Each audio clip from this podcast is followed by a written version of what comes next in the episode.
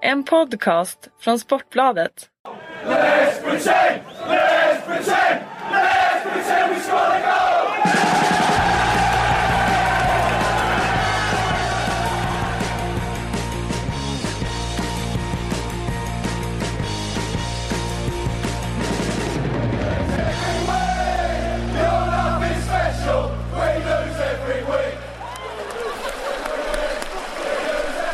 Då hälsar vi välkomna till Sportbladets Premier League-podd ännu en gång. Det är tisdag, mitt namn är Patrik Syk, mittemot med Stickade Karlsson. Ehm, för er som förväntade er Erik Niva med här idag så, så fick vi efter tuffa förhandlingar eh, bubba om lite grann. Så att eh, vill ni lyssna på honom får ni lyssna på Sillypodden från igår. Eh, men eh, nu ska vi prata Premier League eh, och då klarar vi oss alldeles eh, utmärkt eh, med bara oss två, eller hur Kalle? Ja, vi får lösa det på något sätt. Ja, det ska nog gå. Spela enkelt i sidled. Ehm, för den här helgen gav sig ju liksom, det, alltså ämnena vi ska prata om idag, det, det, det var inte svårt att göra ett körschema idag kände jag. Det finns en del eh, punkter att ta upp. Och vi börjar på söndagen. Och allting som hände då. Det var ju Liverpool mot Manchester, gånger två. Eh, bara en sån sak. Och eh, den största, eh, det största utropstecknet var ju förstås Evertons 4-0 kross utav Pep Guardiolas Manchester City. Som ju är ute på en riktigt rejäl kräftgång. Eh, hur ska vi förklara det här? Jag vet inte om det går att förklara riktigt mer än att eh, alltså, om man tittar på deras senaste månader så kan man konstatera att laget är eh, obalanserat. Eh, defensiven krackelerar. Eh, Claudio Bravo räddar knappt en boll. Eh, Han har ju, han har ju knappt gjort en räddning alltså. Alltså på hans senaste 20 skott har han släppt in 14 tror jag. Det är inte Vilket bra. är en procent, räddningsprocent som inte är så smickrande.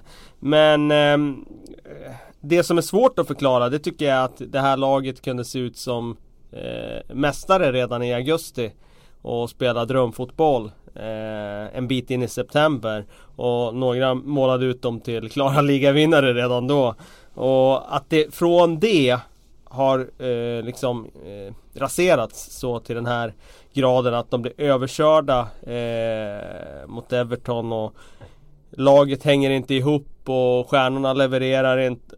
Och, och, nej, det, det, det, var, det var ingenting jag såg framför mig. Jag sa ju där i början av ligan att eh, de kommer att tappa och det kommer att bli jämnt och så vidare. Men jag såg ju fortfarande City som en given titelkandidat och min favorit i titeln.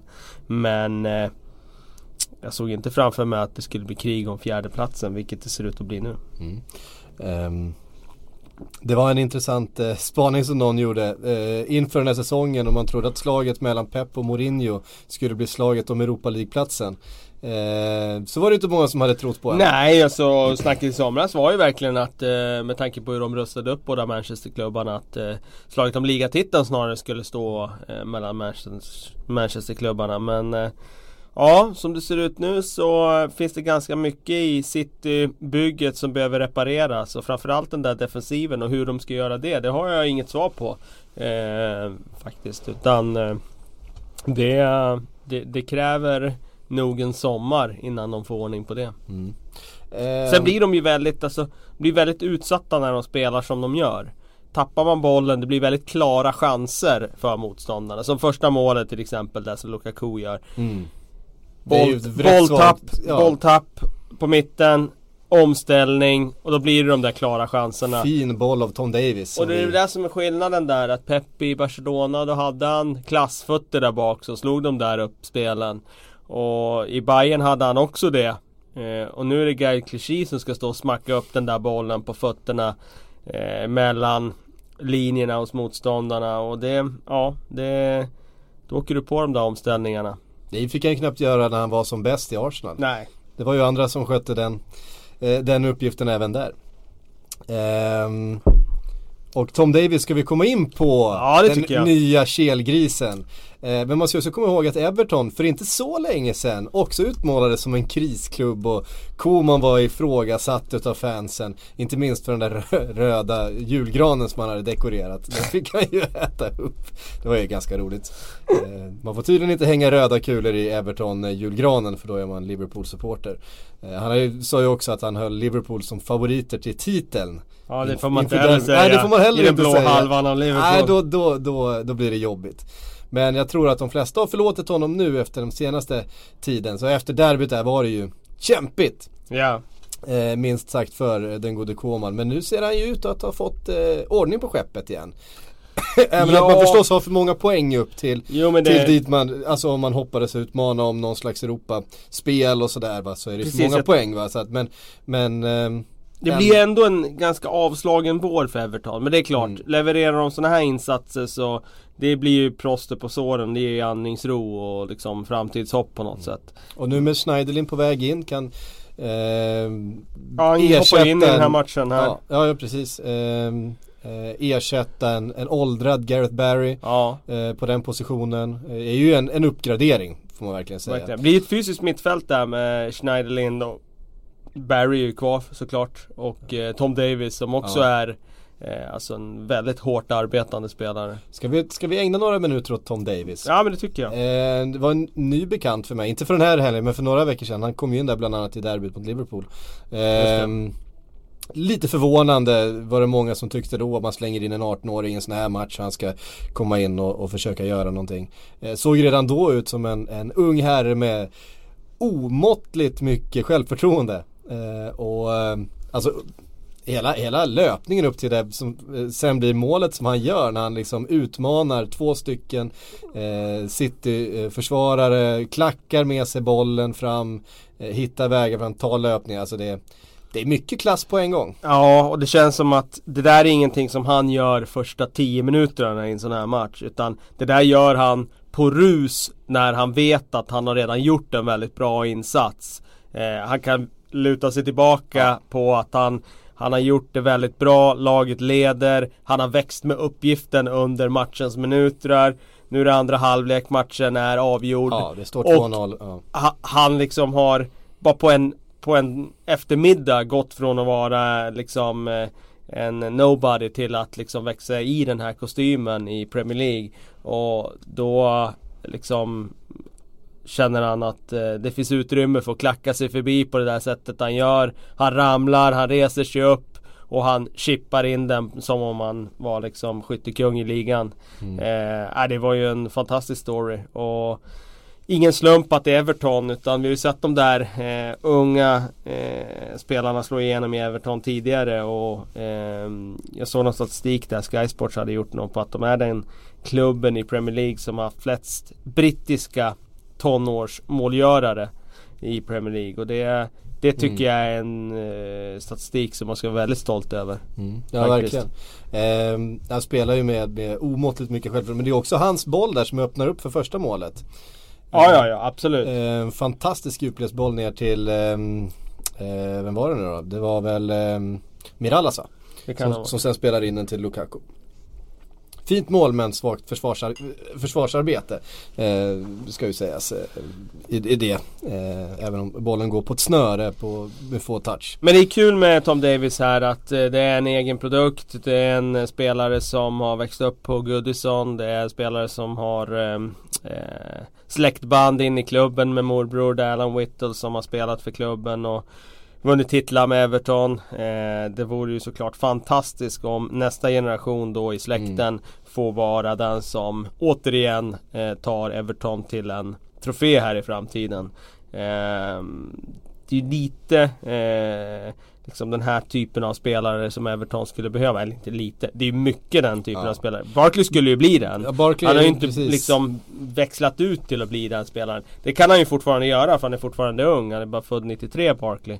Och han har ju dessutom också haft en stigande formkurva de senaste veckorna. här. Påminner väldigt mycket om hur det såg ut när Barkley slog igenom. Det var ju den här typen utav insatser och matcher vi såg Ja precis, och, eh, men man vill ju ha den där eh, spelaren som eh, mentalt klarar av att vara de, symbolen och eh, liksom hoppet för en klubb och just det här med att han är Everton through and through. Det betyder ju så mycket idag när det är så få spelare som är eh, egenfostrade. Och jag menar, fatta vad det skulle betyda för Everton att få sin egen liksom symbolspelare så. Som kliver in egenfostrad. Eh, kliver in, startar varje vecka på mittfältet, sliter som ett djur, springer runt med det där hår, svallande håret och det där skägget som är 5 plus minst. och Vem har sånt skägg när man är 18? Nej, ingen. Ingen har det. det är, jag har aldrig sett det på en 18-åring tror jag. Ehm, nej men det, det skulle ju betyda så mycket för den här klubben. Så man hoppas ju verkligen nu att han bara tar fart här och flyger vidare. Ja och, och att liksom tillsammans med Ross Barkley som också är liksom en, en Liverpool-lad verkligen. Och, eh, Precis. Eh, kunna få, få bygga med, ja, jag får ju ändå säga någonting om eh, Merseyside som fortsätter producera fotbollsspelare. Ja, nu kommer de på löpande band här. Ja. Det finns ju nästan en, finns ju nästan en, en scouser i varenda, varenda eh, Premier League-trupp eh, känns det som. Ehm, Ehm, sen var det kul, vi ska inte glömma Ademola Lokman som hoppade in och gjorde mål Nej, också. absolut. Ytterligare en, eh, en, eh, ett nytt namn i Premier League som, eh, som vi kommer få höra talas om mer. Han köptes ju för ganska stora pengar faktiskt Mm. från Charlton. Det var ju i alla fall en 80, 85 miljoner det var, minns, jag minns att vi Ja. höjde på ögonbrynen då när, när han köptes. Att över sommaren ja. ja. Mm, men eh, Ja, alltid kul när nya unga Fint- spelare Fint presenterar avslut. sig. Absolut. Eh, precis som man ska göra i den eh, läget. Det är bara att trycka allt man har i bortre. Det var väl mellan benen han tryckte den om jag inte minns fel. Det Gick var det- väl Mirallas som tryckte med, i bortre. Ja det gick i mellan benen, Lokmans eh, skott. Okej, jag blandar ihop målen. Ehm, men eh, krisen i Manchester City känns ju som eh, att den fördjupas och nu till helgen så ska man möta Tottenham. Mm. Och blir det en ny förlust där ja, då, då ser det ju ganska, ganska tufft ut för, Ser det tufft för, för ut? City. Ingen kul match att ha för dem. Samtidigt Nej. så det är lite där när man när man dömer ut lag och sådär då är det nästan Mm. tacksamt att ha en toppmatch som man kan tända till och liksom kraftansamla till och det skulle inte förvåna mig om de spelar fantastiskt i helgen och... De har ju och, alla spelarna till det. Det finns ju Ja finns ju så där. är det ju. Och... ehm, Nej det hade inte förvånat mig om de slår tillbaka redan i helgen. Mm. Ehm, det eh, spelades ytterligare en eh, intressant match på söndagen. Den mellan Manchester United och Liverpool. Ehm, fick vi också se en, en 18-årig Liverpool-grabb. Eh, Ganska överraskande. Eh, lite mer överraskande än kanske Tom Davis. Det var Trent Alexander-Arnold som fick kliva in på högerbacken eh, och ställas mot en formstark Anthony Martial i sin eh, Premier League-debut efter att Ja det. Nathaniel Klein eh, Men du som, eh, där på förhand sådär Vem hade du räknat med som högerback? Innan laguppställningarna kom och sådär Ja, om, eh, jag, jag hade inte koll på att Klein var, var skadad. Men jag hade nog trott att, att eh, med Klein skadad så hade jag sagt att det var Trent Alexander-Arnold som Ja skulle okej, in. mm, okej. Eh, det är ju ingen Det finns ingen annan det, lösning finns, det, finns, det finns ingen annan Nej, lösning jag där. Det, här, det liksom, är liksom, ja det skulle vara att peta över Milner på den kanten och stoppa in Moreno. mm, Det var det jag menade Ja, men det har ju inte eh, Jürgen Klopp gjort en enda gång. Nej. Eh, och Trent Alexander-Arnold har ju spelat i ligacup och FA-cup och sådär eh, på den där högerbacken och gjort det bra. Ja. Och är ju den liksom har varit under flera år, alltså den liksom guldklimpen på akademin. Ja. Eh, har varit liksom bäst i sin åldersgrupp från han var liksom 10, 11, 12, 13. Men är ju en central mittfältare egentligen. Okej. Eh, men som har då eh, med lite krav då uppifrån också tror jag att han liksom, ska slussas in i det här laget nu liksom. Han är eh, så pass bra och han, de tror så pass mycket på honom att de, de vill gärna göra en plats för honom i, i seniorlaget. Ja. Och då har det fått bli eh, högerbacken. Eh, redan så spelar han mycket under försäsongen som högerback. Eh, och fick visa upp sig. Gjorde det väldigt bra. Eh, och gjort det bra under ligacuper. Eh, och han löste det väl, även om det såg lite nervöst ut i början så löste han det väl helt okej. Eh, med tanke på uppgifterna han hade framför sig. Men vad... Eh, ja, han var ju lite darrig sådär, Ja. han hade lite problem men samtidigt så det, det, blev ju ingen akilleshäl eftersom Manchester United inte utnyttjade Nej. Alltså de hade kunnat satt Martial i 4-5 en mot en lägen i första halvlek Mm. och även inledningen av andra halvlek. Han tog det sig säkert- förbi varenda gång. Ja då hade det blivit ett problem för Liverpool men eh, det blev ju aldrig det eh, Riktigt det, Mm. det var någon gång som det var lite där Han hade ju något bolltapp där som hade kunnat bli kostsamt men eh, det, Han klarade sig, han kom undan med heden i behåll Ja. Ehm, övrigt eh, kring matchen, nu var dina tankar eh, när du såg den? Man visste ju att det skulle vara eh, mycket känslor som vanligt, mycket kamp. Det som det alltid blir eh, när de här två lagen möts.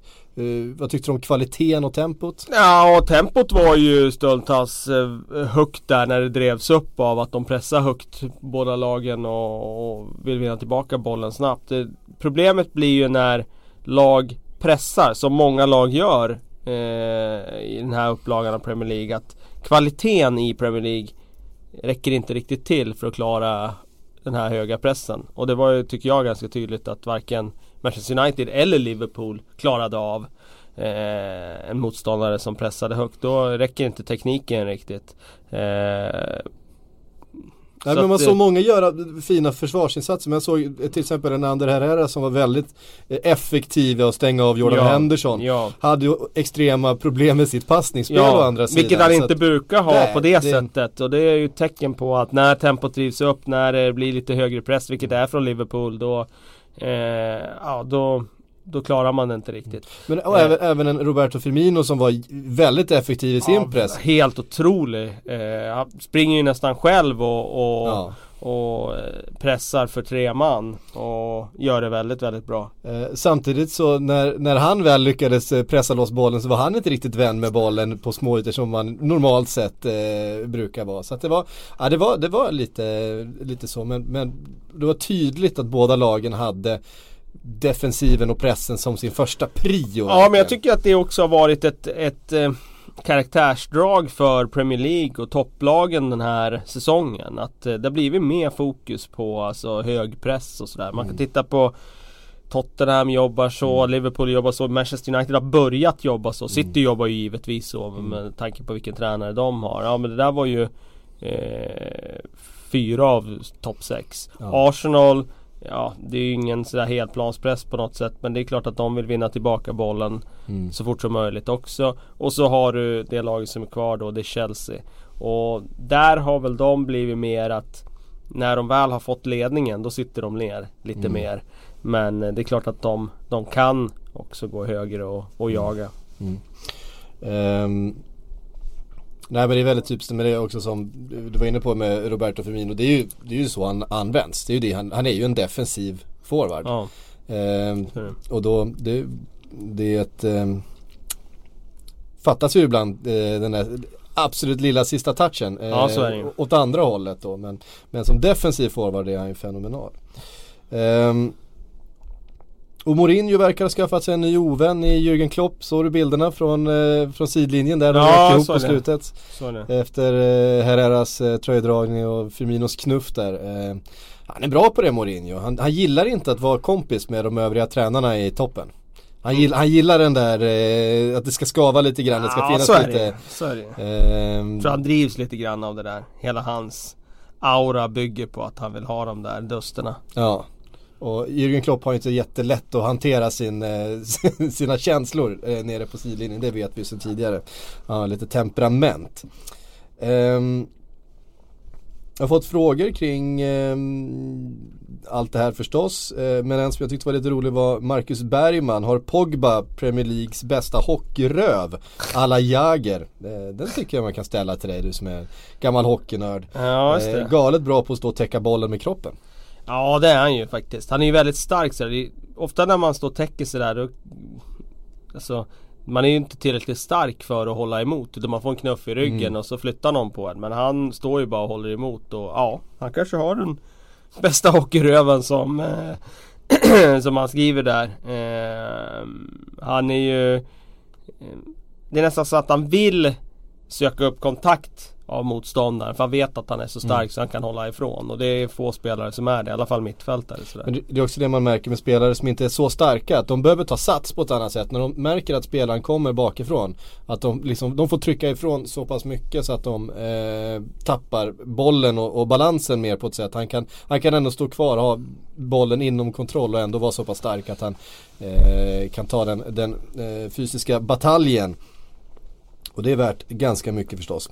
Eh, annars hade han ju en eh, Ah, ganska, en ganska jobbig söndag sådär när han skulle lansera sin emoji och eh, han hade klippt sig med sin, han hade sin finaste frisyr på sig och så vidare och så eh, Ja, nej. Ah, det var nej. inte Pogbas afton. Det var nej, inte. precis. Han började svagt och sen eh, kändes det som att han bara eh, Alltså överarbetade för att reparera en svag start. Och mm. Det är nästan Pogba när han är som sämst. Som han var i, i delar eh, av inledningen av säsongen. När han liksom, det blir för mycket att han han börjar svagt och istället för att sänka ambitionsnivån och, och ribban och spela enkelt och spela sig in i matchen istället. Då höjer han den och ska börja klacka och göra svåra mm. saker och då blir han... Som Ta skott från 40 meter. Gräver sig bara djupare egentligen ner. Mm. Eh, så det där är någonting han behöver jobba bort. Eh, och Zlatan sätter sitt 14 mål för säsongen och kliver upp då på en delad skytteligaledning va? Stämmer. Eh, med eh, Diego Costa som, och, som, Costa, ja. och Sanchez är där också ja. Ja nej det är ju såklart jättekul att, att Zlatan fortsätter leverera. Det var ju en ganska svårbemästrad avslutning det här. Gräva upp en nick från, från diket i princip. och ja, man är inte förvånad när han gör det. För att han har ju den där förmågan att hitta det enda sättet som går att eh, göra mål på i princip. Mm. Och än en gång så får de effekt av att slänga in eh, Marwan Fellaini. Eh, det är ju hans första nick där som går i stolpen som, eh, som skapar dem det här läget ju. Säger han med ett leende. Ja men det är ju, det är ju någonting med den här typen av antispelare ah, ju. Jo, så som, är det. som är liksom som ett verktyg bara. Så är det ju. Så är det ju. Nej det, men eh, den här matchen var det ju väldigt lyckosamt med tanke på att de klarar inte av att spela igenom Liverpool. Så då fick de ju gå långt istället och de blir ju de blir ju extremt tunga när de har både Zlatan och Fellaini där framme som referenspunkter för den långa bollen. Men hade Zlatan varit en 1,70 forward som hade varit eh, liten och snabb som en vessla och så slänger du in Fellaini, ja då vet ju alla att bollen kommer komma på Fellaini. Nu står det ju två sådana där fyrtorn där framme. Och det blir ju när målet kommer, så när inlägget kommer där från Rooney det första, då är det mm. två stycken sådana som Klavan ska spela en mot två mot. Alltså, det, jag, jag, jag tror jag tror att skulle de ha Fellaini och spela det här spelet oftare på plan så skulle de, eh, de skulle ha ganska mycket lycka med det för att det är jobbigt att möta. Mm. Ja, det har ju det har ju knorrats en del i Manchester United-led för nu vill de ju förlänga Fellainis eh, avtal här med ytterligare ett år. Eh, har ju Mourinho Han behövde göra det här inhoppet nu för att liksom någonstans eh, vidimera det beslutet för det är klart att det det var ett beslut som förvånade väldigt många. Ja. Men Mourinho gillar ju att ha den där rollspelare. Typ, alltså rollspelare. Absolut. Han vill ju kunna bestämma hur, hur matchbilder ska se ut och då vill han ha spelare som han Men jag ser inget problem med att skicka in Fellaini sådär som plan B och lyfta långt. Det som är problemet det är ju när han startar på defensivt mittfält i matcher där de ska dominera. För då blir ju han en temposänkare. Då blir ju mm. han en spelare som bara skälper sitt lag. Eh, men att han är plan B och man börjar lyfta långt på honom i en match där man har kört fast. Det, det ser jag som eh, en bra roll för honom. Mm. Det, det är det han ska användas till. Mm, absolut. Ehm, och även när han var som bäst i Everton. Ja men då var ju det när de flyttade fram han lite ja, i plan precis. och han fick stå där uppe och ta ner bollar på bröstet och vända och vrida mm. och sen såklart använda sin skalle som han är livsfarlig med. Ja. Ehm, vi lämnar den matchen där då och sen eh, får vi väl tipsa om att du gjorde en, eh, du gjorde en lista i veckan på de, eh, hur många snyggaste målen? 25! 25 snyggaste målen. Ja. Du får nästan revidera det nu va? Ja, det får jag göra faktiskt. Andy Carroll. Ja, den måste in där. Helvete vilken träff! Ja, för mig är det ju ett av de 25. Eh, det är ingen tvekan om det. Eftersom att det är så fruktansvärt hårt och mm. eftersom att bollen sitter så bra som den gör. Den sitter ja. ju nästan i krysset. Alltså, ja men du får är... inte ens med två målvakter så, så räddar nej, nej, nej, nej, nej, nej. Eh, utan Den hade suttit med två målvakter. För den keeper som hade stått på den sidan, han har inte heller kunnat reagera i princip. Utan eh, det, ja, det, det är bara att lyfta på hatten. Man tror ju inte att den där typen av forwards har den där i sin verktygslåda. Men vi har ju sett Peter Crouch med sina liksom Ja. bläckfiskben. Ja. Eh, Göra liknande. göra bicicletas mål Ja. upprepade gånger faktiskt eh, förra om åren. Och eh, ja, jag trodde inte Andy Carroll skulle bjuda på, på den där träffen också som man får. Det är en sån där träff som Ja, det är jag tror inte buster- känns, det är en busterträff, känns alls liksom. hela... Nej det är en Ja. busterträff. Det är en Ja. busterträff. Eh, så att, eh, ja det var, det var roligt. Ja, det är nog den, det den bästa bicicleta-träff. Om det nu är en bicicleta eller om det är en cykel, ja, vad man nu Det ska kalla det då. en, Det är en, eh, en ja. hög cykelspark på något sätt.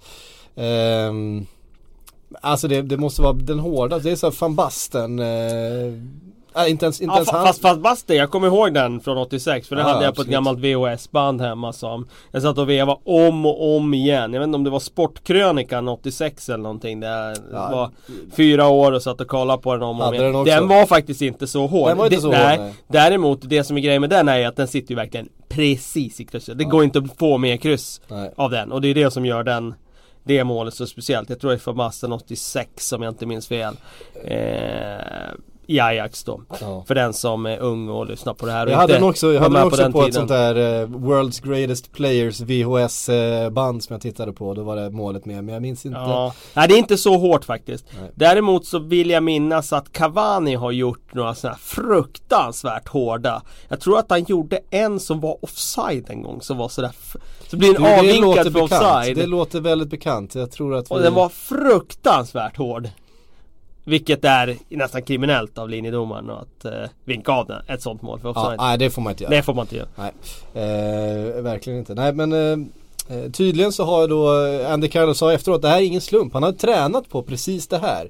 Eh, på precis där avslutet. Han har tränat länge och Billage har tydligen varit bekymrad. För han är rädd att- Carroll ska skada sig. Ja okej. eh, när han står och nöter den här, eh, den här cykelsparken. Ja just det. Men eh, ja, övning ger färdighet. Det är sen Så är det. Normally, being a little extra can be a bit much, but when it comes to healthcare, it pays to be extra. And United Healthcare makes it easy with Health Protector Guard fixed indemnity insurance plans. Underwritten by Golden Rule Insurance Company, they supplement your primary plan, helping you manage out of pocket costs without the usual requirements and restrictions like deductibles and enrollment periods. So when it comes to covering your medical bills, you can feel good about being a little extra. Visit uh1.com to find the Health Protector Guard plan for you. Intressant också från... Eh, Ja men vi kan ju nämna där också, det var ju intressant av Bilic att han plockade upp Michael Antonio lite högre upp i plan. Han gjorde väl tre det är assist Michael Antonio. An- Antonio som slår eh, Inlägget där, men han gjorde väl tre assist i matchen tror jag. Ja, det är så? Ja. Vilken jävla Och, spelare det är. ja det är en alltså, skön lirare. Han, eh, han, Du gillar han, honom. Han har så mycket leverans. Han Ja. har så lite annat men han har så mycket leverans. Ja så är det. Eh, Det är en poängspelare. Ja man gillar verkligen det. Alltså, det finns, Och man det gillar finns, ju också det att han är en poängspelare men som vi sa här förra veckan alltså Kombinationen av att vara en poängspelare och sen i nästa moment se ut som en League 2-spelare Ja, Det är det man gillar Nej, men det är liksom så här, han är motsatsen till den här, kommer du ihåg Den Nilsson? Eh, ja. Den gamla, gamla Ja, ja. brassen som bara stod och gjorde översiktsskjuter. Världens dyraste spelare en gång i tiden när han värvades till Real Betis Ja, han kom ingenstans. Det var, det var bara, det var bara eh, liksom teknik, eh, felvänd och så vidare. Det här, alltså Michael Antonio är raka motsatsen. Det är inget sånt. Nej. Det är bara eh, smäller. Men den sitter eh, hela tiden. Oerhört hög eh, procent. Bra målgester också Ja, ja men och, sen, Oerhört och, och, sen, en, och sen en, en karaktär på det. Bjuder, Liksom. Eh, bjuder på sig själv Ja, nej, men det är verkligen en favorit hos mig. Ehm, Är det rent av din favoritspelare i Premier League? kan mycket väl vara det. Eh, Det jag låter tror- nästan jag- som jag det eftersom att- du alltid skiner upp när hans namn förs på Ja, tal men jag tror att det är det faktiskt. Ehm, det finns några stycken, men, men eh, Michael Antonio just nu, man blir glad varje gång eh, man ser honom. Eh, så är det. Ehm, lördagens topplag mot övriga, det var, vi har pratat om den här skillnaden mellan topp 6 och de övriga i år. Ehm, och det blev ganska tydligt i lördags, man tyckte liksom att ja, men Chelsea ska åka till Leicester, ja men det är en tuff bortamatch sådär. Nej, 0-3. Det är inget snack. De, de städar av den. Ehm, Tottenham ska möta West Brom. West Brom alltid liksom, du vet, det är Tony Pulis. De Ja. har mycket tyngd och mycket kvalitet liksom defensivt. De har gjort det väldigt bra under säsongen. städar av 4-0. Ja. Ehm, Men ha- kan vi gå in på dem lite där? Eh, så Ja, vi, ska, vi, ska, tar- vi, ska, vi ska göra det. Ja. Och sen då, visst Swansea med hur de ser ut och Arsenal då, borta på. Det, det, är- ja, 4-0 det är inte mycket att snacka om Nej, kanske. det är det Eh, nog inte. Men det blev så, så uppenbart liksom vilket, hur stor skillnad det är mellan topp 6 och de övriga lagen. Ja det har blivit en jätteklyfta däremellan och det gillar vi ju egentligen inte. Samtidigt så, som jag sagt där tidigare, jag gillar ju det faktum att det är sex lag ändå som kan drömma om Det är titeln. trösten. Och det, Det gör ju att det- att titelracet lever på ett sätt. Nu har ju Chelsea ryckt lite grann då såklart men Mm. det gör ju ändå att det finns en, en edge där framme i toppen. Att många lag är inblandade som är eh, väldigt spännande. Mm. Eh, så får, man får köpa det där, man får ta det onda med det goda där. Eh, men om vi går in där först på Chelsea där så det var ju en väldigt imponerande insats med tanke på vad som har hänt dagarna innan där med Mm. Diego Costa, soppan och det där. Åka dit, göra 3-0 på Leicester. Leicester är inte Leicester som de var i fjol men det är ändå eh, de är, Ett ramstarkt Ja lag. precis, det, det, det är ju det. Och, eh, visst, jag tror Chelsea bara hade tre avslut på mål. Alla tre gick in. Jag tror Mm. det var så. Men eh, de är ju gedigna. Eh, systemet sitter, spelar ingen roll vem som spelar. Pedro utan- ser fantastisk ut just nu. Ja det gör han. Hans touch där, alltså nickmålet är ju inte speciellt svårt att göra. Mm. Eh, men touchen när han sätter den väggen ner till William. Ja, Den är ju helt magisk. ja, den är bra. Eh, så nej, han har varit eh, förvånansvärt bra får man säga. Ja, jag tycker liksom, jag var väldigt skeptisk till den värvningen. Jag tyckte det kändes som en spelare som levde väldigt mycket på miljön nere i Ja, Barcelona. Eh, och sådär, visst snabb och så vidare och hade liksom bra teknik och sådär men eh, Och tyckte förra säsongen inte alls att han levererade eh, någonting i närheten av det vi har sett eh, under konten. Kommer ihåg när han kom där så vet jag att jag skrev där att han, han bidrar ju med egenskaper som Chelsea behöver. Just det där med att han springer och, Mm. och så vidare. Eh, och så fick man ju käka, jag fick ju käka upp det när han inte levererade sen. Han gjorde ju det i premiären sen där men, eh, eller i debuten där. Mm. Eh, men sen eh, hade han ju en väldigt tung debutsäsong så. Mm. Men eh, nu har han verkligen eh, alltså spelat till sig en ordinarie tröja. Svårt att peta honom nu. Mm. Eh, det, det känns inte aktuellt. William, lagets bästa spelare i fjol, han har ju haft väldigt svårt att ta sig in. Mm. Och det säger ju någonting om hur bra Pedro har varit. Ja. Men eh, om vi går sen på nästa match där. Tottenham mot West Bromwich där. Jag kollar på reprisen där, första halvlek där. Och jag noterade där att eh, det var många som var lyriska över Tottenham. Och de, ja visst det är klart det är lätt att vara det när de gör massa mål och, och så. Men alltså West Bromwich, vad fan höll de på med? Eh, Tony Pulis ser jag som en eh, extremt skicklig taktiker. Men här gick han ju helt fel i den här matchen. Och det blev ju så total krasch eh, taktiskt att det var han som skälpte West Bromwich. Och sen när de eh, väl satt där och hade rott ut båten med det där eh, Ja, den där eh, matchplanen de hade då hjälpte ju spelarna själva till att eh, verkligen sänka skeppet också. Men det som var problemet var ju, det här är svårt att förklara i en podd men som jag ser det då. Det var ju att han har ju väldigt mycket lycka med att spela typ eh, sexbackslinje eh, förra säsongen när han mötte Tottenham. Men grejen var att eh, det var ju Tottenham som spelade 4-2-3-1 med yttrar som gick inåt. Nu har de ju en trebackslinje. Och hur han trodde att Rondon skulle ensam suga fast de där bollarna mot tre försvarare. Hur han ensam skulle pressa tre försvarare där uppe. Det, för mig var det helt, eh, ja det var huvudlöst att spela på det sättet. Sen spelar de ju som att det var Ja, de, de låg ju i, i en sexbackslinje, precis det som funkade i fjol. Och tanken med det var inte fel. Tanken, tanken blev ju fel för att de mötte ett annat Tottenham den här gången. Som inte formerade sig på samma sätt som de gjorde i våras. Och ja, sen eh, som sagt så tycker jag att det var helt horribla individuella misstag från West Bromwich sida. Så att eh, Ja, Tottenham var bra, absolut, det är ingen tvekan om det. Men de fick ju väldigt mycket hjälp av dels ett West Bromwich kom, som kom dit med en helt huvudlös matchplan och ett utförande som var under all kritik.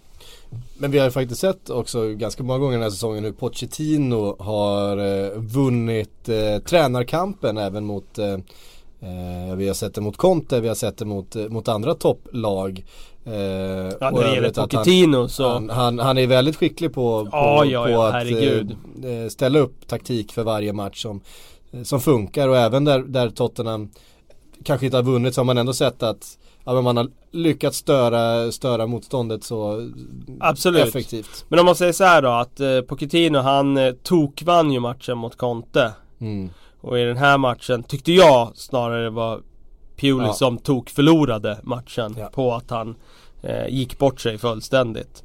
Eh, men eh, som sagt när det gäller Pochettino så är det ingen tvekan om att det är en av jag skulle säga en av världens bästa managers. Alltså mm. han är redan uppe där bland mm. crème de la crème och han kommer definitivt att träna ett eh, en av de största klubbarna i, i världen eh, inom sinom tid. Mm.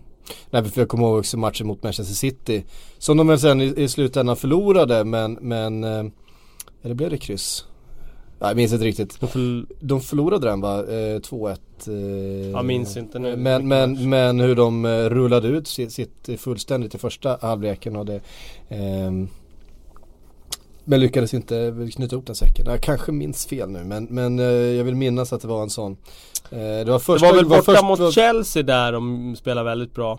Eh, torskade den matchen ändå. Ja, var, det, var det mot Chelsea kanske mm. det var mm. som, som eh, Eh, man, verk, man tydligt så att eh, det taktiskt var eh, väldigt, väldigt klokt sammansatt Tottenham även då. Ehm, och Swansea Arsenal. Ehm, ah, det var ju ingen, ingen lätt liksom premiär för eh, Paul Clement eh, i, i Swansea. Han har ju en uppförsbacke där och, oh, och, och, och, ta, och ta sig an. Eh, och frågan är hur, hur han ska lösa det här. Nej alltså, det, det... Det, det, är ingen som vet och det vet han inte själv heller. Eh, det är klart att han kan tro saker. Men eh, jag tror att han Materialet finns ju inte där Nej liksom. alltså spelmaterialet finns inte idag och det är ganska kort tid kvar av fönstret. Så att han skulle mm. få in den kvaliteten nu på Ja vad blir det på 13 dagar. Mm. Ah, tusan alltså.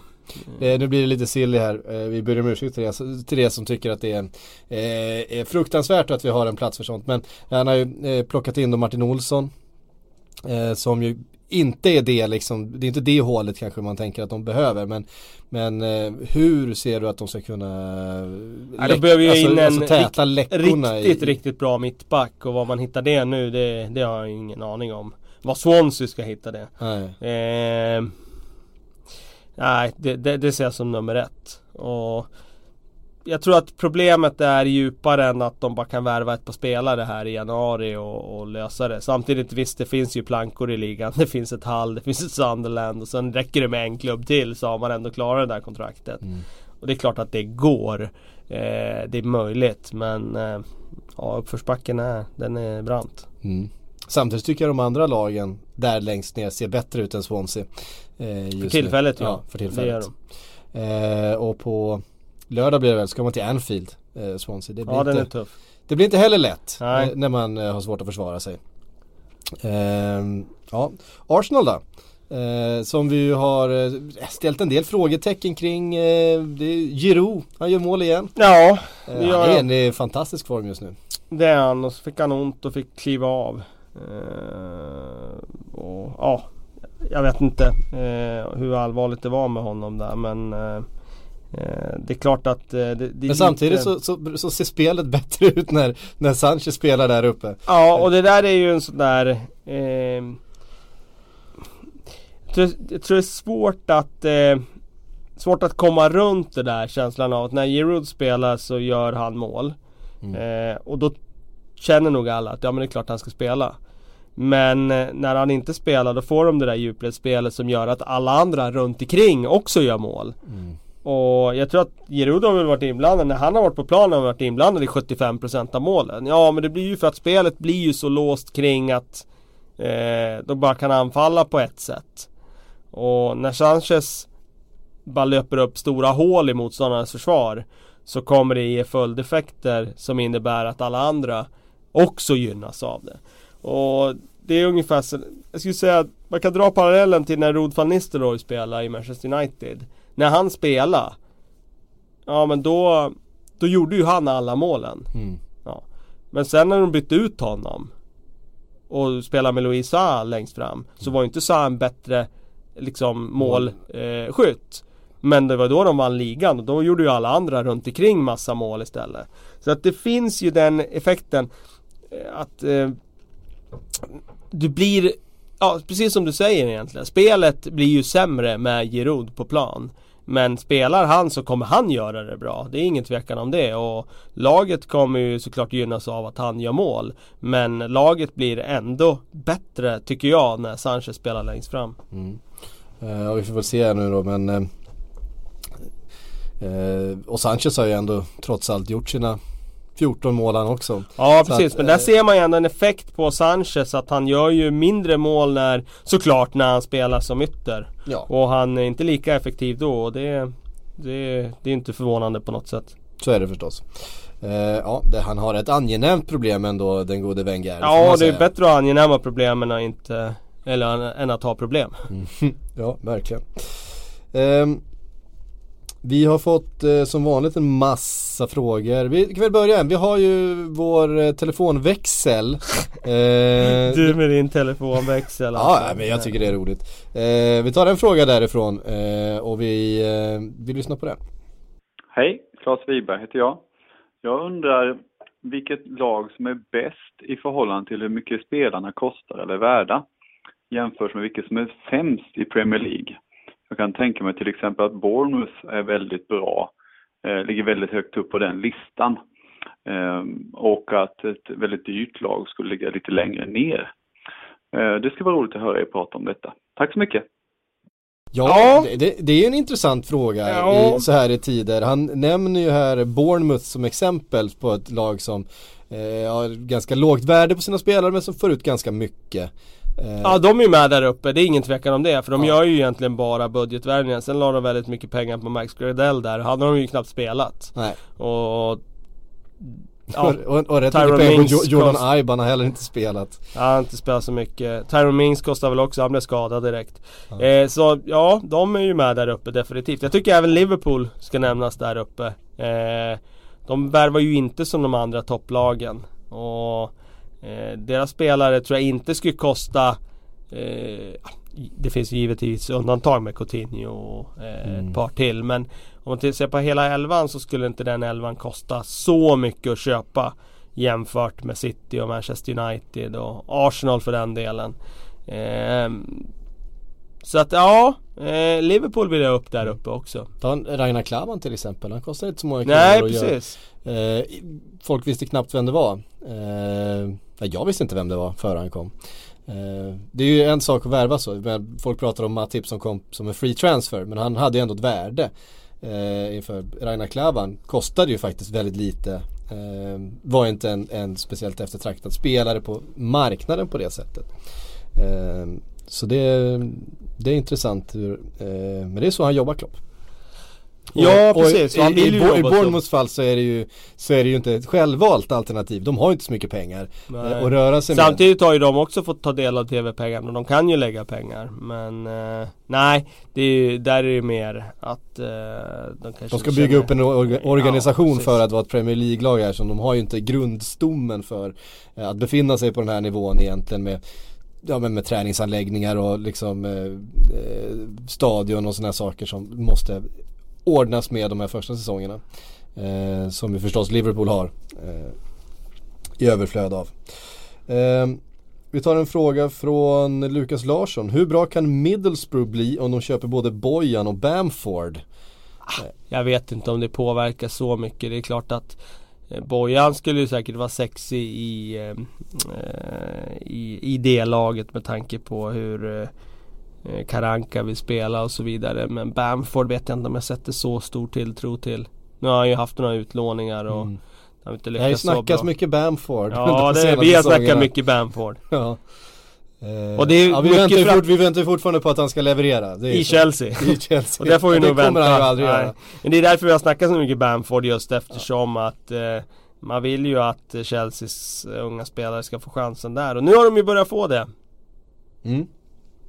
Med Ehm, Nate Arake som nu är tillbaka och så vidare. Så får vi se om han får spela och sådär. Precis. Ehm, Jakob Persson skriver, eh, när, är det, när är det dags att på allvar börja prata om pep out? vi missat Champions League eller vid en femteplats den 18 januari. Eh, det är idag det. ja, 17 idag va? Ja, det är inte 17 idag, Ja. ja. så det är imorgon då. Ja, precis. Nej men eh, Pep Out kommer såklart att börja diskuteras eh, här lite längre fram i vår om de fortfarande är liksom som håller på att missa fjärdeplatsen.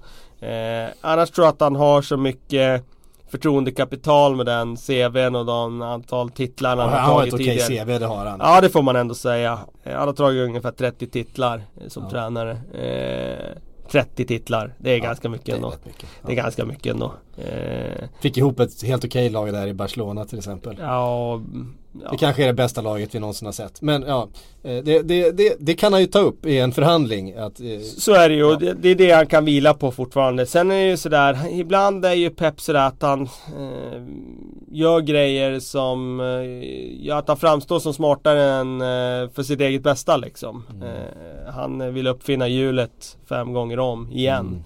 Och eh, det funkar om man, om man får resultat med sig. Men går det emot då, ja, då, är, det- då är det tufft. Och pep out, än så länge, nej det kommer inte vara snack om det. Men det är klart att om de ligger och börjar kriga om fjärdeplatsen här framme i vår. Då kommer ju såklart den taggen att dyka upp på Twitter. Det är ingen tvekan om. Sen att City skulle sparka honom, nej. Det tror jag är, eh, det är en bit bort. Mm. Han kommer få mer tid att bygga upp och bygga sitt Ja. eget lag. det måste han få.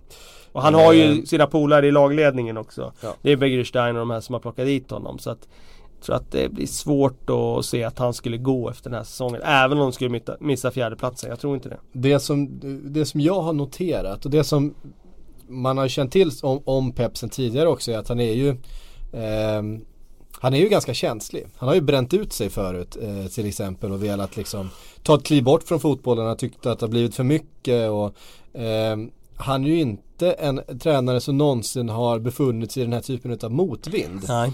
Eh, det här är ju en ny situation. Vi såg ju när Mourinho under förra säsongen för första gången i sin karriär hamnade i den I typen riktigt, i riktigt, jävla, ja. riktigt snålblåst. Så kunde han inte liksom riktigt hantera. Han var Nej. inte den managern som kunde vända ett psyke på ett helt lag. Alltså han var inte en Tony Pulis på det sättet. Eh, så som Ja men han, det kan blåsa nästan hur hårt som helst. Han kommer vara precis likadan ändå och han kommer inte bry sig. Nej. Nej, det finns ju en Eh, poäng det i det finns- där att Det lär ett frågetecken där i alla fall kring Pep. För han har sett, han har sett, fan han har sett ganska deppig ut på slutet. Ja, där. lite ur balans i några Ja, intervjuer och precis. sådär. Eh, nej, det finns ju en poäng i att du lär dig väldigt mycket som tränare av dina förluster. Mm. Eh, de lär dig egentligen eh, mycket mer än vad eh, de vunna matcherna gör. Och Pep har ju knappt förlorat som Nej. tränare. Det här var hans största ligaförlust i karriären. Ja precis. Och, ehm, jag, jag känner väl någonstans det där att han har vunnit i åtta, åtta år i rad har i princip vunnit allt Mm. som går att vinna. Och mm, nu kommer han till den där punkten när det börjar gå emot och då, ja, det, det, det, det är en ny situation för honom och den är svår för honom att hantera och han känns inte så preparerad för att hantera den. Eh, och just, jag tror det bara är så enkelt, han är inte van vid det. Eh, och han har ju kommit, det, Premier League är den svåraste titeln att ta i världen. Ja så är det ju och det tror jag kan man nästan läsa mellan raderna hos honom också att jag menar Går det till Tyskland och tar över Bayern så Ja då, då är du ju favorit i titeln automatiskt och ska, ska vinna titeln. Går du till Spanien, ja det är tre lag som kan vinna. Det är Barcelona, det är Real och det är Atletico.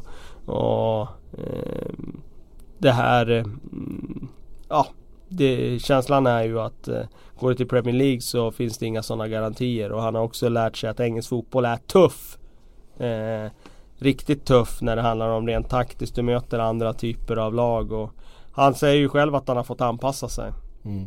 Och jag tror mentalt också, det finns inte det liksom eh, Alltså vi pratar mycket om hur spelarna blir slitna av det här höga matchtempot. Att det, det är krav liksom, det är flera gånger i veckan över, inte minst över julhelgen och så här under vintern. Eh, och då förstås för de lagen som till exempel Manchester City som befinner sig ute i Europa. Men jag tänker också att det är mentalt för hela eh, alltså staben runt omkring. Att man ska liksom ta fram en ny matchplan och man ska ladda om för sig själv också. Ja. Eh, och befinna sig på flera fronter samtidigt och leverera hela tiden och så med den pressen och med media och så som det är i England. Eh, det, är, det är ett tufft jobb alltså. Ja, det är ja, ja, jobb. det är ett tufft jobb. Det är ett tufft jobb. Eh, ingen snack. Eh, Erik Karlsson skriver, vilka tror ni blir 1, 2, 3 skytteligan?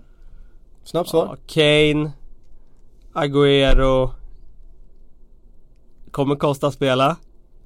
Ja, det är en bra fråga. Ja det kommer han Det kommer han göra. Costa. Ja. Ingen Zlatan. Ja, man måste ju välja Måste tre. välja, ja. Måste ju välja tre. Agüero skulle jag kunna ta bort men jag vill ju ändå stå fast vid det man säger. Inte bara hålla på och hatta hit och dit. Och jag sa Agüero, jag säger nästan alltid Agüero inför varje Men säsong. är, han har ju högst goal return liksom, Ja så är det ju och han ligger på 11 och det är inte så långt efter. Nej. Och skulle han bara komma tillbaka nu och börja göra lite mål igen så ja då är han med där uppe. Men Kane ser ju helt ut nu, det gör han. Ja. Han brukar, han, han, han, han, han gör de här säsongerna eh, år efter år. Han börjar lite, lite svagt. Och sen så kommer han in i det och sen så Växlar börjar han han, så växlar han upp och sen så börjar han ösa in dem.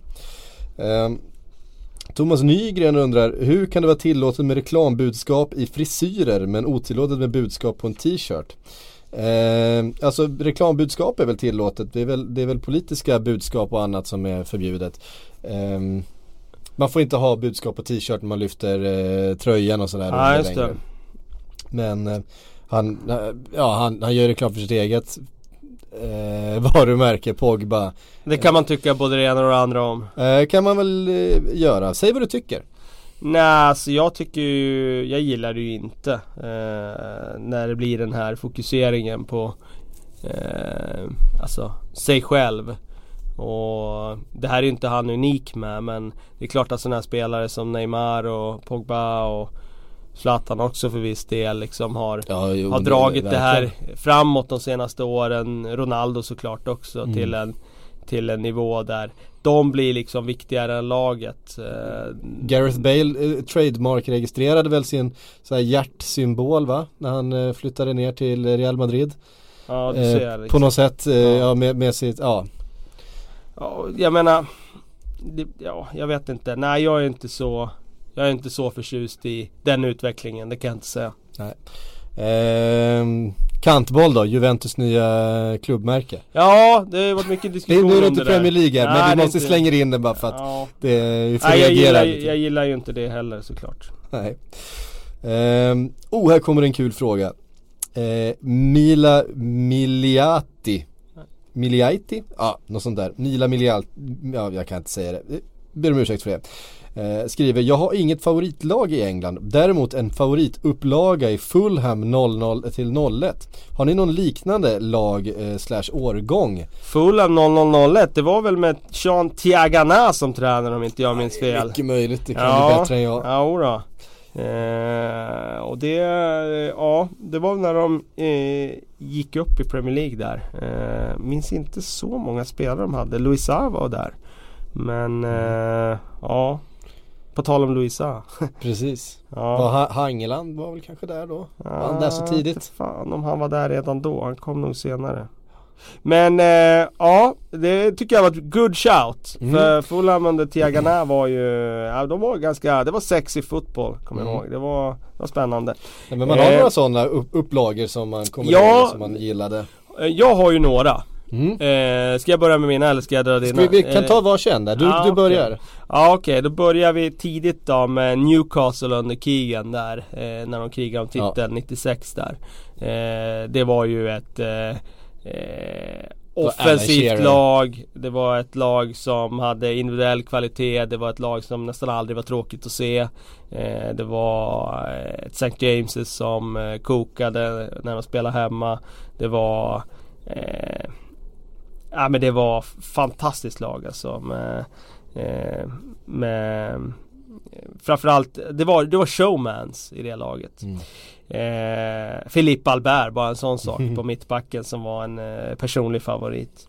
Eh, sen går jag vidare och då kommer vi in på Arsenal såklart, början av 00-talet där. Mm. Och då är det två upplagor egentligen av Arsenal som jag är väldigt förtjust i. Det är dels 01-02 när de vinner ligan. Då var ju Robert Pires väldigt, väldigt bra. Mm. Och han var ju eh, oerhört eh, begåvad.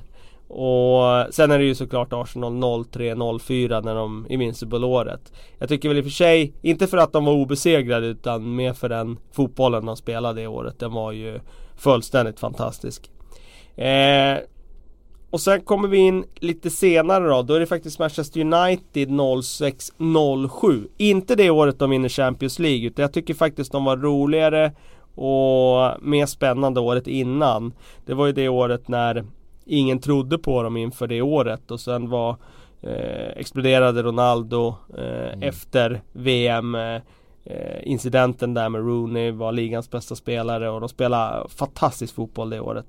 Sen är det ju, nu missar jag ett lag där i, sen är det såklart Mourinhos första Chelsea-upplaga där 04-05 med Duff och Robben på kanterna. Drogba längst fram och de bara flög fram. Det var ju inte eh, kanske det laget som spelar eh, den mest ögonfallande fotbollen men det försvarsspelet var ju fläckfritt och släppte de in 15 mål i ligan på Mm. hela säsongen vilket var Ja det var ju rekord och en otrolig Ett otroligt facit Och sen kommer vi vidare in på eh, Faktiskt Tottenham under Harry Redknapp 09-10 där När eh, de har eh, eh, van der Vaart och, och Luka Modric och det kändes som att Tottenham i det läget kunde erövra världen faktiskt. Mm. Eh, så ja, det är väl de lagen som eh, De upplagorna som jag eh, känner att jag fallit för.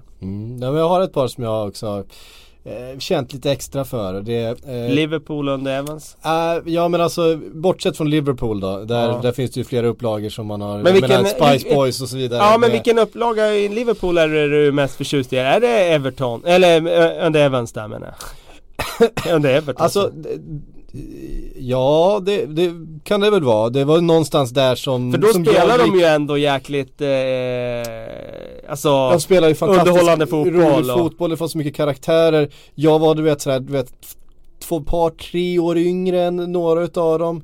Ehm, Michael Owen slog igenom. ja. Han var ju fantastisk liksom, han var ju bara liksom Ja. ett år äldre än en själv. Macca Ja, ja precis. Och Fowler och Stan Collymore och eh, Ja men det fanns ju så De mycket gjorde ju egentligen allt där utan att de vann Ja de vann ju inte, det var ju det. Eh, men det var någonstans där som jag, som mitt liksom eh, intresse för Liverpool övergick från att vara laget jag höll på till att bli ett intresse om du förstår vad jag Ja. menar. Ehm, så var det ju. Men annars så var jag ju väldigt förtjust i eh, Chelsea årgången 98-99 Vialli Ja precis, eh, Gianfranco Sola, Tor André Flo, ja, Jimmy. Floyd Hasselbank Ehm, och sen tappade jag namnet, vad heter han den lilla terriern på mitten där som var så jävla arg? David Batty nej, nej, nej, nej. Nej, nej förlåt, Dennis Wise menar jag Dennis Wise ja. ja. David Batty Eh, Dennis Wise där på mitten som sprang runt och bara, du vet, bara tuggade fradga liksom. Eh, och sen en liksom elegant en sola och sådär. Så att det var ju, eh, och så alla fransmän då liksom, med LeBeuf och Ja det var riktig främlingslegion där, redan då Ja precis. Ehm, och det var ju före alla pengar, Abramovic-pengarna hade kommit in så att liksom Chelsea var ju ett, ett lag som låg liksom det där skiktet under topptrion då som då var eh, Liverpool, Arsenal och Manchester United. Just det Ehm, så att de, de tyckte jag var roliga och sen så en upplaga som jag gillade mycket var ju också när Swansea under Brennan Rodgers klev upp första gången och med spelare man inte liksom kände till och på ett, spelade på ett sätt som nykomlingar bara inte gjorde Ja, liksom. just Det det. var, det, det liksom gick emot så mycket. Eh, det var så otroligt kaxigt. Eh, Joe Allen och eh, eh, Ja. Gylfi Sigurdsson och Clint Dempsey och Ja Ehm, och spelade liksom fotboll på ett sätt som Eh, det imponerade så mycket. Ja. Eh, Om något år kanske man kommer säga Tottenham under Pochettino också, det vet man inte. Nej, ehm, och sen ett, eh, en Liverpool-upplaga som också, ja, förutom liksom laget som vann Champions League och så vidare, det var ju egentligen Men inte var det något var ju- favoritlag Nej det var det ju inte, det var ju bara att de, att de vann den matchen på Ja. det sättet och Steven Gerrard var som han var. Men däremot laget under Brennan Rodgers eh, 13-14 säsongen med Ja. Suarez. Ja just. Eh, och när Brennan Rodgers fick till den här diamanten på mitten med Sturridge och Suarez där framme då kändes det under en period som att det var ett lag som var oslagbart. Ja. Och Suarez var kanske nådde den högsta punkten rent kvalitetsmässigt som jag har sett i en Liverpool-tröja för att under månaderna där november, december det kändes som man gjorde hattrick i varenda match. Så bra tror jag inte att jag har sett en, en spelare spela i, i, i, i Liverpool-tröjan någonsin. Det var, det var liksom någonting annat. Ehm, och då var han ju världens bästa fotbollsspelare. Det, liksom han, det fanns, fanns ju ingenting som stoppade honom under den perioden där. Sen så svalnade han lite under, under våren men han var helt ostoppbar ett tag där. Eh, men det finns många, man, man skulle kunna hålla på som hur länge som helst. Slänga in en outsider, Blackpool under Ian Holloway. jag gillar ju alltså, faktiskt att se dem. Ja ja, Han alltså ju Charlie det. Adam eh, med eh, Corner kicks are worth eh, 15 million alone eller vad var Ferguson sa. exakt. Typ. Ehm, och, ja men bara för att man gillar Ian Holloway också alla hans alla hans one-liners. Ja, precis. Vi är, vi är lika Blackpool och jag, we look better in the dark. ja, den är bra. och så vidare. Ja. Skicka in era, era favoriter så, så ska vi ta upp dem. Eh, för att eh, man skulle kunna sätta, vilken, alla säsonger hade, har ju haft sina lag som var Ja, så färdiga. är det ju. Så är det, Det ju. finns, Men det där är mina... det finns ju någonting med, med Rory Delap och Stoke och Tony Pulis liksom under den perioden som, ju Ja, var, som ju var anti-fotboll på så många Ja. sätt men som hade 2008 där typ, Ja, 2009 där. Precis. Jag menar, de, när man såg vart linjerna egentligen skulle gå, de hade kritat nya linjer som var de minimimåtten som var tillåtna eh, FA. Man såg de gamla linjerna var grönmålade utanför och så hade de dragit nya linjer en meter innanför för att krympa planen så mycket som det bara gick för att stoppa allt liksom. Ingen skulle få spela fotboll på den här planen. Och Dilaps Inka skulle nå så långt som Ja, möjligt. han stod där med sin handduk och, och skickade in, han kunde skicka dem med, med kraft mot bortre stolpen liksom. precis. Ehm, ja, det, det, det, det hade sin charm det också kan jag tycka. Ehm, vi går vidare med ett par, det var en bra fråga. Eh, jag gick igång kände jag. Eh, Portsmouth var ju rätt läckra där ett tag också. Ja, Pompey lag. när, ja. med Peter Crouch och ja men när de hade alla möjliga lirare där. Eh, precis före konkursen. Ja men precis, de slutade ju fan sexa något år där med Mm. riktigt bra lag. Herman Reidarsson i försvaret där. Ja, David James i målet Ja, där. just det. Nej de var riktigt bra. Mm. Roliga att se. Um, Max Söderström, nu kommer vi ner till verkligheten igen. Uh, hur påverkas Tottenham av Fertongens skada? Kan Wimmer axla manteln lika bra som han gjorde under förra säsongen? Uh, Wimmer har inte fått så många chanser. Nej, inte fått så många chanser i år. Det är klart att uh, det är ju olyckligt att bli av med en vänsterfot där bak också. För om jag inte minns fel så Wimmer är väl högerfotad. Och det blir svårt att, att, att ta, liksom, fylla den vänsterfoten i uppspelsfasen. Eh, så att eh, defensivt tror jag att de klarar sig bra. Eh, det tror jag inte blir några större problem. Men det är mer sådär offensivt i uppspels, uppspelen så. Mm. Ehm, Thomas Nygren undrar vilken eh, spelare i i Premier League är bäst i förhållande till sina lagkamrater? Det vill säga mest för bra för sin omgivning. Oj! Jag har en kandidat. Okej. Ro- Robert Snodgrass. Ja det är sant. Han det är, sant. han, är, han är ett par klasser Det är bättre än, än övriga Hall. Good, good call. Eh, Det får man ändå säga.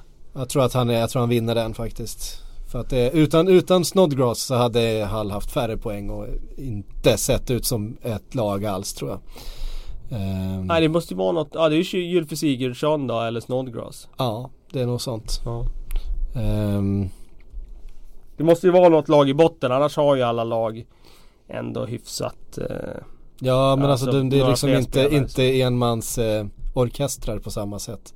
Ehm, för Hall är ju så nöd, alltså de är så nödgade att allting ska, måste gå igenom Snodgrass på ett eller annat sätt för att det ska finnas kvalitet på offensiv planhalva överhuvudtaget. Ehm, Ehm, en eh, lite angränsande fråga. Oskar Schultzberg. Vilket lag är mest beroende av sin manager? Eh, Spurs, Pochettino, Bournemouth, Eddie Howe. Klopp kanske, eh, Liverpool. Jag har svårt att se dem leverera utan. Han är onekligen största stjärnan i, i, i laget i alla fall. Ja det är ju. Det är ju. Nej jag...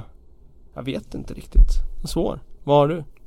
Um, jag skulle nog ändå säga Klopp just med tanke på att eh, Pochettino i grunden har ett, ett lag som har funnits där lite längre. Han har haft längre tid på sig också mm. men det finns en Harry Kane man kan liksom luta sig lite på. Um, och sådär för utan Klopp så tror jag att det här eh, lagmaskinen Liverpool skulle, skulle hacka ganska snabbt. Um, och sådär. Jag har svårt att se något av de andra eh, lagen göra det på samma sätt. Säg att Klopp skulle ha fyra matcher på läktaren som en del andra tränare kan råka ut för ibland. Då tror jag att det skulle gå ut över spelet ganska mycket. Eh, kanske mer än för men klart Pochettino har vi suttit och hyllat här för sina matchförberedelser och sin taktik. Eh. Båda har ju gjort ett helt otroligt jobb, så är det ju. Eh. Nej, svårt. Svårt mm. att skilja dem åt. Mm. Um, Martin Hårsmar undrar eh, om eh, Bravo är världens sämsta målvakt. Nej, vi får ju den där. Vi får ju den där. ja men det var ju eh, Mignolet innan. Mignolet var världens sämsta målvakt. Eh, ja, I början på säsongen. Men vi har fått den där med Bravo. Ja, eh, med jämna mellanrum. Eh, så att, eh, ja.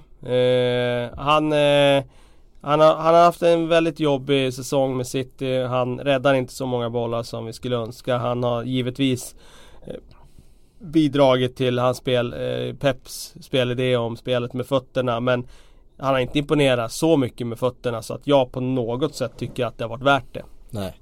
Så att eh, nej, eh, han har inte imponerat. Sen om han är världens sämsta det, det vet jag inte om han är riktigt men Han är inte världens bästa i alla fall. Nej det är han inte, det är han inte. Så eh, det kan vi slå fast. Ja, eh, nej, men det är intressant det där för det man brukar säga om målvakter som har lite problem Det man sa om eh, David de Gea när han hade problem Man har sagt om Simon Mignolet och sådär.